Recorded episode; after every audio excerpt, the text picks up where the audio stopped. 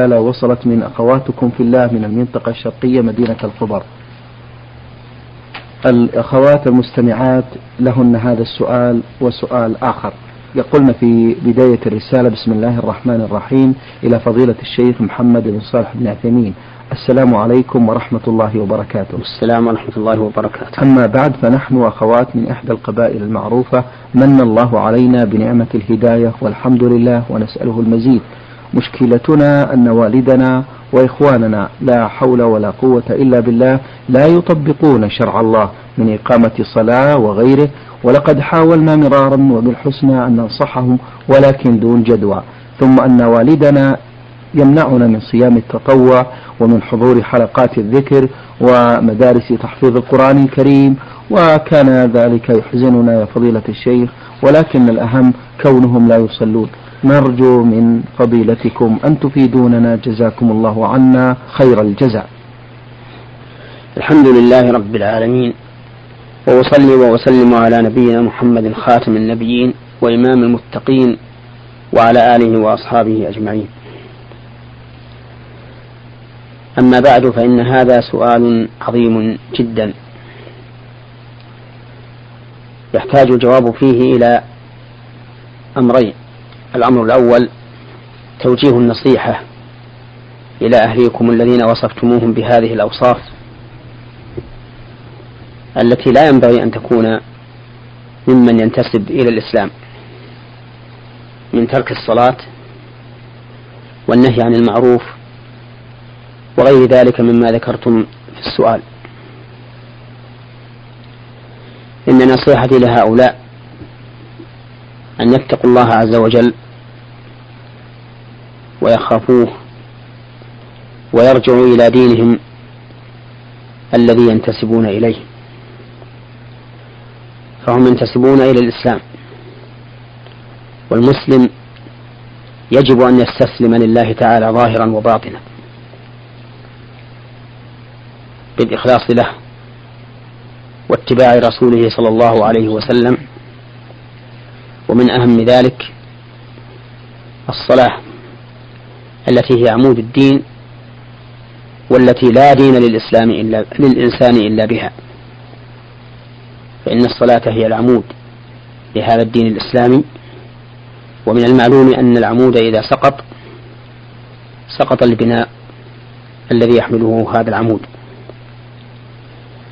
ولهذا جاءت النصوص من كتاب الله وسنة رسوله صلى الله عليه وسلم والآثار عن الصحابة رضي الله عنهم بأن تارك الصلاة كافر كفرا مخرجا عن الملة.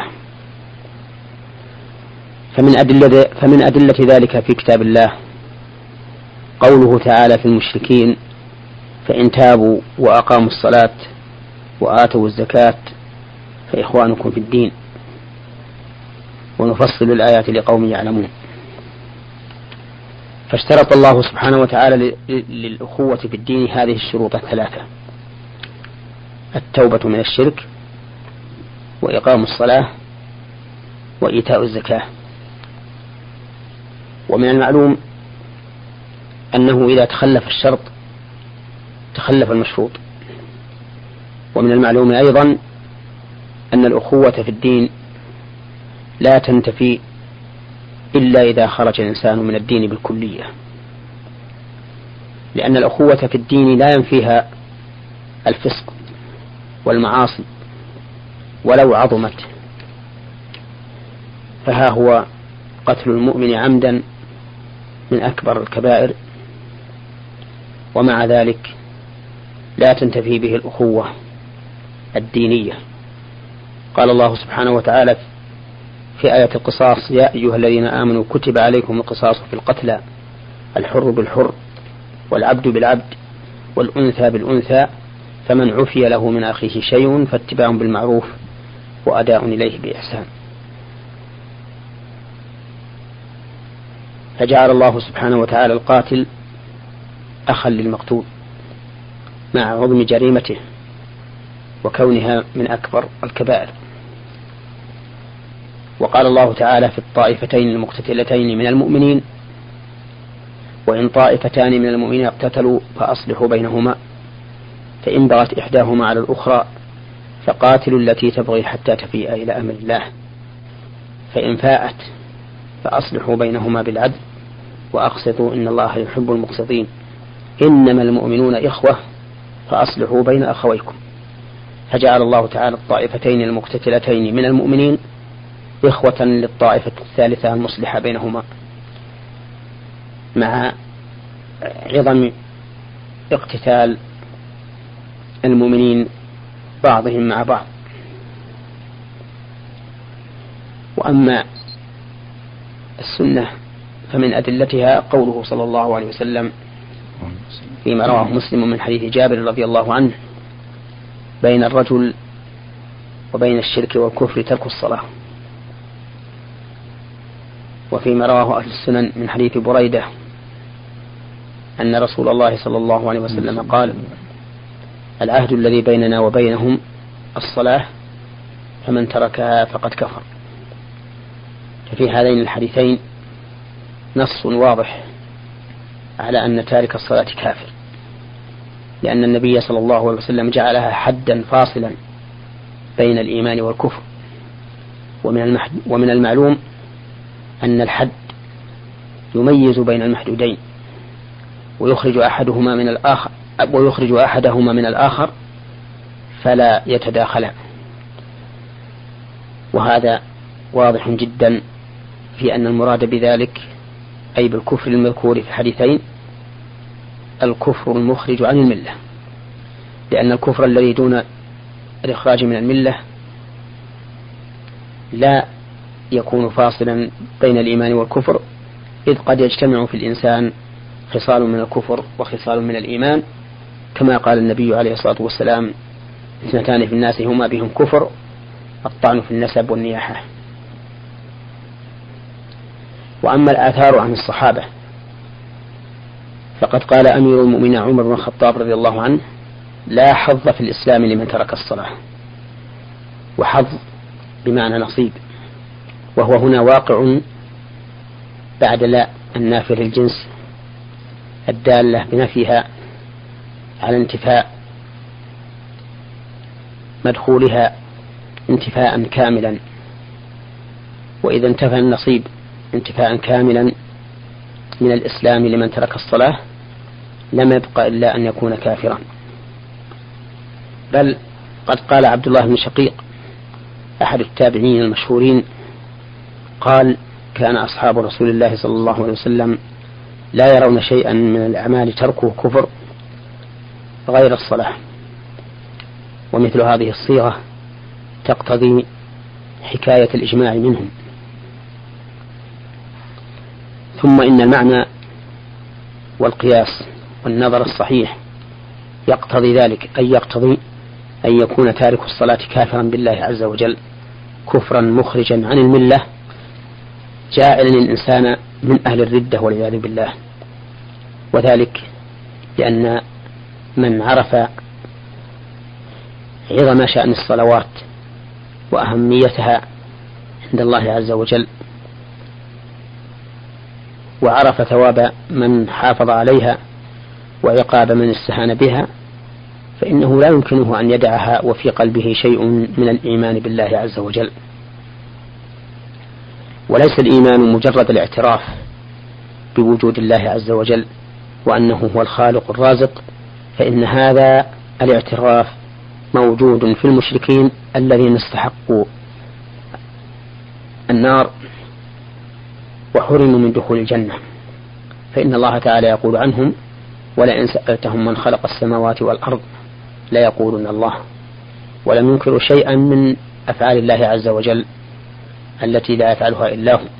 فهم مقرون بالله مقرون بربوبيته ومع ذلك فهم كفار. فهذا الذي يدعي أنه مؤمن وهو تارك للصلاة لأنه يقر بالله عز وجل. نقول له إن هذا الإقرار لا ينفعك لأنه لا بد في الإيمان من القبول والانقياد والإذعان ومن لم يذعن لله تعالى في أعظم الأعمال البدنية وهي الصلاة فكيف يقال إنه مؤمن؟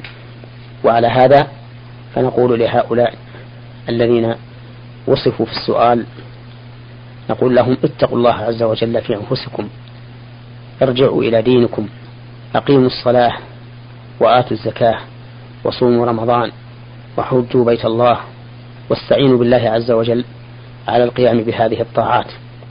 وأنتم إذا صدقتم النية وصممتم وعزمتم واستعنتم بالله عز وجل فإن الله تعالى ييسر لكم الأمور. أما إذا أبيتم واستكبرتم وتركتم ما أمر الله به وما فرض الله عليكم فلن تعانوا على هذا على طاعة الله أبدا. لأن الله يقول فلما زاغوا أزاغ الله قلوبهم والله لا يهدي القوم الفاسقين. ومن المعلوم أننا لو سألناكم وقلنا أتحبون أن تكونوا بعد الموت في من أهل الجنة التي عرضها السماوات والأرض والتي فيها ما لا عين رأت ولا أذن سمعت ولا خطر على قلب بشر والتي يحل فيها رب العزة رضوانه على أهلها فلا يغضب فلا يسخط عليهم أبدا والتي ينظر فيها أهل الجنة إلى الله عز وجل كما يشاء الله تعالى. لو خيرتم بين أن تكونوا من أهل هذه الدار أو من دار عذابها عظيم أليم شديد. يصلى أهلها نارا كلما نضجت جلودهم بدلوا جلودا غيرها ليذوقوا العذاب. وإذا استغاثوا أغيثوا بماء كالمهل يشوي الوجوه. يصب من فوق رؤوسهم الحميم يصهر به ما في بطونهم والجلود ولهم مقامع من حديد. كلما أرادوا أن يخرجوا منها من غم أعيدوا فيها وذوقوا عذاب الحريق. لو خيرتم بين هاتين الدارين لاخترتم إن كنتم عقلاء أن تكونوا من أهل الدار الأولى. ولا يمكن أن تحصلوا على هذه الأمنية وهذا الاختيار إلا إذا قمتم بما أمركم الله به ورسوله. فعليكم أن تتقوا الله عز وجل. فإن أبيتم إلا الإصرار على ما أنتم عليه من ترك الصلاة وانتهاك الحرمات فاحذروا أن تعتدوا على غيركم من عباد الله عز وجل بمنعه من طاعة الله ومنعه من أسباب سعادته ومنعه من المعروف. فتكونوا ممن قال الله فيهم والمنافقون المنافقون والمنافقات بعضهم من بعض. يأمرون بالمنكر وينهون عن المعروف ويقبضون أيديهم نسوا الله فنسيهم. لا تعتدوا على عباد الله بمنعهم من الصلاة أو الصيام أو الصدقة أو طلب العلم أو غير ذلك فإن هذا عدوان منكم وظلم لهم. هذا هو الأمر الأول الذي أسأل الله سبحانه وتعالى أن نصل إلى مسامع أهليكم وأن ينفعهم بذلك وأن يجعلنا وإياهم من عباد الله الصالحين المخلصين الذين ليس, له ليس للشيطان سلطان عليهم وعلى ربهم يتوكلون. أما بالنسبة لكم فعليكم أن تصبروا وأن تحتسبوا الأجر من الله وأن تنتظروا الفرج منه.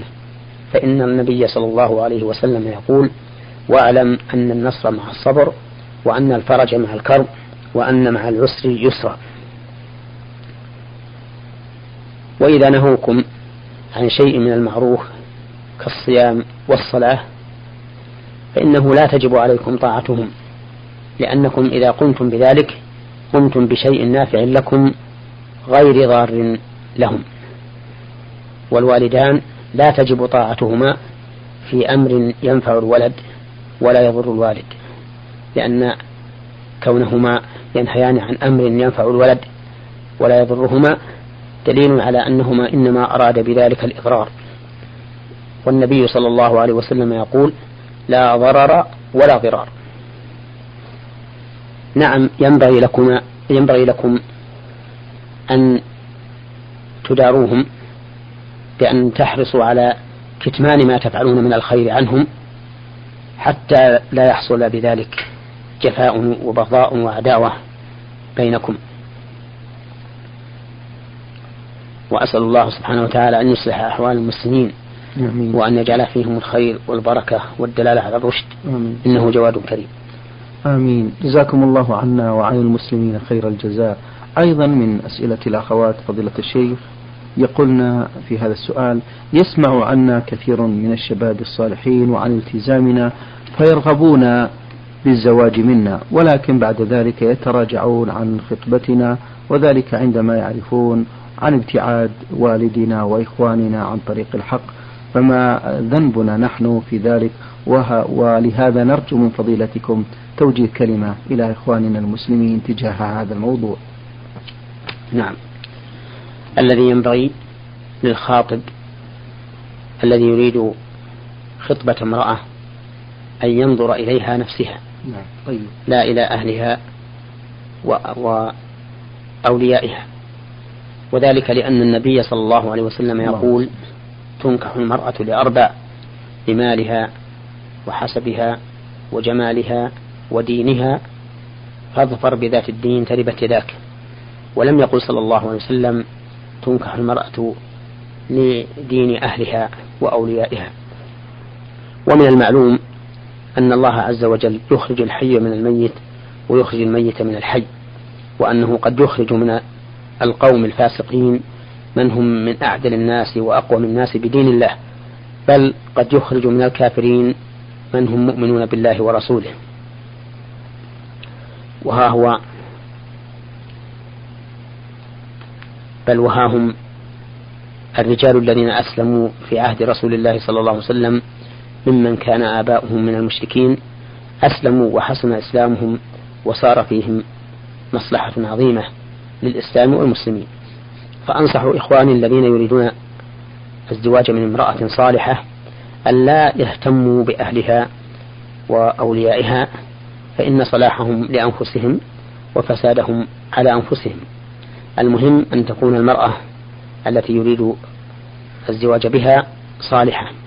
فإذا كانت صالحة فليقدم على خطبتها وليستعن بالله عز وجل. ولكن هنا عقبة قد تعترض وهو أن بعض الأولياء إذا تقدم إليهم رجل صالح تريده مرأة ويريد ويريدها أبوا أن يزوجوها لأنهم يريدون أن يزوجوها من كان على شاكلتهم من الفسق. وفي هذه الحال نقول لهم أي لهؤلاء الأولياء إن هذا حرام عليكم وإنكم آثمون ومعتدون. ذلك لأن رسول الله صلى الله عليه وسلم يقول إذا أتاكم من ترضون دينه وخلقه فأنكحوه ولأن الزواج حق للمرأة نفسها ليس لأوليائها فيه في حق. هي التي تريد أن تتزوج هي التي تريد أن تكون أن تخالط هذا الرجل وليس أنتم بل وليس إياكم. فعليكم أن تتقوا الله عز وجل وأن لا تمنعوهن من تقدم إليهن من الأكفاء في دينه وخلقه. وإذا قدر أن الولي الأقرب امتنع أن يزوجها خاطبا كفءا لها في دينه وخلقه فإن الولاية تنتقل منه إلى من يليه من الأولياء.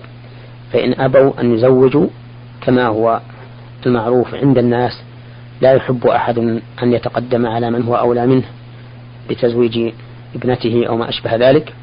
إن أبوا فقال الأخ مثلا لن أزوج أختي مع وجود أبي. وقال العم لن أزوج أختي مع آه لن أزوج ابنة أخي مع وجود أخي. وما أشبه ذلك فإن الولاية تنتقل إلى الحاكم الشرعي. وعلى الحاكم الشرعي أن أن يزوجها من خطبها ممن تريده وهو كفء في دينه وخلقه. لكن ينبغي للحاكم الشرعي قبل أن يتقدم بتزويجها أن يخاطب أولى أوليائها بالتزويج ويقول له زوجها فإن أبى فليخاطب من, من يليه حتى إذا لم يقدم أحد على تزويجها فإنه يجب عليه أي على القاضي الحاكم الشرعي أن يزوجها. ولا يمكن أن تترك هؤلاء النساء الطيبات المؤمنات بدون زواج بسبب احتكار أوليائهن. وأسأل الله سبحانه وتعالى أن يعين كل من يريد الخير وكل من كان يريد الإصلاح على ما أراد وأن يكفينا جميعا شر أشرارنا. آمين. جزاك الله خير. من اليمن الاسم منصور العماري صنعاء. له مجموعة من الأسئلة. يبدأها بهذا السؤال. يقول يحصل على الزوجين أشياء مثل وفاة الأبناء أو مرض الزوجة ويستمر هذا مدة طويلة دون شفاء من ذلك. رغم الذهاب إلى المستشفيات فيقول بعض الناس إن عقد الزواج تم في وقت غير حسن وينصح الزوجين بإعادة عقد الزواج أي تجديده. فيطلق الرجل زوجته وبعد مدة قد تصل إلى ثلاث ساعات يعاد عقد الزوج وبزيادة مهر معين فوق المهر الأول. علما بأن نية الطلاق غير موجودة عند الزوج أي أن الزوج لا يريد أن يطلق زوجته بل يريد من هذا هو سلامة أبنائه وشفاء زوجته. فهل تحسب هذه الطلقة على الرجل؟ وهل المهر الزائد فوق المهر الأول واجب أم لا؟ وما رأيكم في هذه القضية؟ مأجورين. رأينا في هذه القضية أن هذا لا أصل له. فإن مرض الزوجة أو الزوج وفقد الأولاد لا يترتب على عدم صحة النكاح والواجب أن ينظر في عقد النكاح سواء حصل مثل هذا المرض والفقد للأولاد أم لم يحصل الواجب أن ينظر فيه إذا كان الإنسان في شك منه فإن كان مطابقا للشريعة فلا حاجة إلى إعادته وإن كان مخالفا للشريعة بأن عقد في زمن الجهل على وجه ليس بصحيح فإنه يعاد العقد وتبقى زوجة له بدون طلاق. هذا رأينا في هذه المسألة. وأما مسألة وأما مسألة الطلاق بلا نية فهذه مسألة فيها خلاف بين أهل العلم. فمن العلماء من يقول يشترط لوقوع الطلاق أن يكون منويا من قبل الزوج. فإن أطلق الكلمة يعني قوله أنت طالق بدون أن ينوي الطلاق فإنه لا يقع الطلاق. وقال بعض أهل العلم يقع الطلاق ما لم يرد غيره فإن أراد غيره فإنه لا يقع. أي أنه إذا قال لزوجته أنت طالق انطلقت إلا أن يريد غير الطلاق بأن يريد بقوله أنت طالق أي طالق من قيد من وثاق وما أشبه ذلك. فإنها لا تطلق. وفي هذه الحال لو حاكمته إلى القاضي فإن القاضي سيحكم بمقتضى هذا اللفظ وهو فراق الزوجة لأن القاضي إنما يقضي بنحو ما يسمع. فإذا وقعت مشكلة بين الزوج والزوجة بأن قال الزوج لم أريد الطلاق وهذا يقع أحيانا فيما إذا أصرت الزوجة على الزوج بأن يطلقها وطلبت منه الطلاق وأصرت على ذلك فإن بعض الأزواج يقول لها أنت طالق ويريد أن تطالق أي أنت غير مقيدة بالحبال وموثق بها. فيقع هنا إشكال بين الزوجين. هي تقول إنك طلقت وهو يقول أنا لم أنوي الطلاق. فهل الأولى أن ترافع الزوجة زوجها إلى الحاكم أو الأولى أن تأخذ بنيته وتصدقه؟ فلا يقع فلا يقع فلا يقع الطلاق. أو الأولى أن تصدقه وتأخذ بما نوى فلا يقع الطلاق. نقول إذا كانت المرأة تعرف من زوجها أنه مؤمن متق لله عز وجل لا يدعي خلاف الواقع فإنه لا يجوز لها أن ترافعه إلى القاضي. أما إذا كانت تعرف أن زوجها ضعيف الإيمان ضعيف الخوف من الله عز وجل لا يهمه أن تكون زوجته حلا له أم حراما عليه ففي هذه الحال يجب عليها أن ترافعه إلى القاضي ليحكم القاضي بالفراق لأن القاضي كما أسلفت ليس عليه إلا ليس أمامه إلا ما يظهر من كلام الزوج لقول النبي عليه الصلاة والسلام إنما أقضي بنحو ما أسمع. نعم. بارك الله فيكم فضيلة الشيخ على ما بينتم لنا وللإخوة المستمعين الكرام.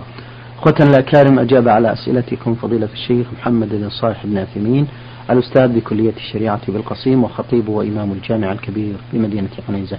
انتهت حلقة هذا اليوم. سلام الله عليكم ورحمته وبركاته. نور على الدرب. برنامج يومي يجيب فيه أصحاب الفضيلة العلماء. على أسئلة المستمعين. البرنامج من تقديم وتنفيذ عبد الكريم صالح المقرن